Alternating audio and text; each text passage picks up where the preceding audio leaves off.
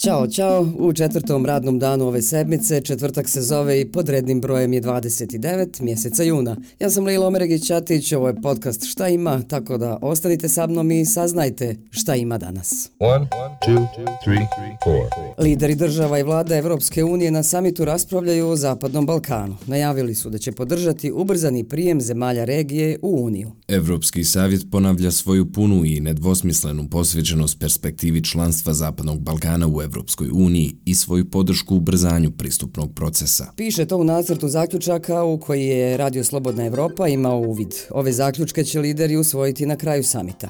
Evropski predsjednici i premijeri podsjetit će i na deklaraciju sa Solunskog samita kada je prije 20 godina potvrđeno da su vrata Evropske unije otvorena i za zemlje regije. Evropska unija će se posebno pozabaviti tenzijama između Srbije i Kosova, te se s tim u vezi očekuje da osude nasilne incidente na sjeveru Kosova i pozovu na hitnu deeskalaciju situaciji. Od domaćih vijesti, članovi delegacije državnog parlamenta u parlamentu OSCE-a Radovan Kovačević i Albin Muslić učestvuju na zasjedanju Skupštine te organizacije. Zastupnici iz više od 50 zemalja će razgovarati o jačanju sigurnosti podsticanjem demokratskih i inkluzivnih društava. A druga kaže da će ministar za evropske integracije i međunarodnu saradnju Republike Srpske Zlatan Klokić prisustovati u Štutgartu na konferenciji o mogućnostima za poslovanje i ulaganje u Republiku Srpsku te povezivanju privreda tog entiteta i Baden-Württemberg Wittenberger. A UNESCO će na vanrednoj sjednici generalne konferencije tokom dva dana zasjedanja razmotriti uslove za povratak Sjedinjenih država u tu organizaciju. Navodi se kako će članice morati da iznesu svoj stav u vezi sa namjerom Vašingtona da se vrati na osnovu konkretnih finansijskih prijedloga.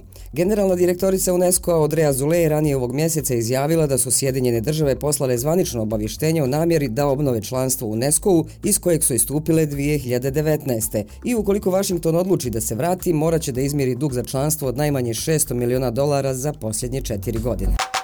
A da je tehnološki razvoj na strani čovjeka kada on koristi tehnologiju za svoj boljitak, a ne da postane njen podanik, pokazuje istraživanje u koje se upustio tim Federalnog instituta za tehnologiju i Univerzite tehnologije, nauke i menadžmenta iz Ciriha. Oni su u stvari razvili robotsku ribu Bell koja će u okeanu da prikuplja ekološku DNK. Reuters piše kako se tim nada da će njihov robot pomoći morskim biolozima da prouče zdravlje i biodiverzitet različitih grebenskih ekosistema koji su bili pogođeni pretiranim ribolovom, zagađenjem i klimatskim promjenama. Jedan od studenta koji je radio na robotskoj ribi, Leon Guggenheim, priča. But these oceans are Ti okeani su ozbiljno pod pritiskom pretjerivanja, od zagađenja do klimatskih promjena, a o njima znamo prilično malo. Također je to ubjedljivo najveći ekosistem i veoma je teško doći do tačnih, dobrih količina tačnih podataka o biodiverzitetu u tim ekosistemima. Dakle, naša ideja je bila da napravimo platformu koja se zapravo uklapa u ekosistem i koja biva prihvaćena kao dio nje. Zato smo onda razvili ribu koja se ponaša kao riba, a prihvataju je i druga morska stvorenja kao ribu. Zato mora da čuti mora da izgleda i mora da se pomjera kao riba. I zato tišina dok Bel radi. Možda spasi šta se spasiti da. Hvala na pažnji do sutrašnjeg šta ima, a ako vam to šta znači, sutra je petak. Ćao!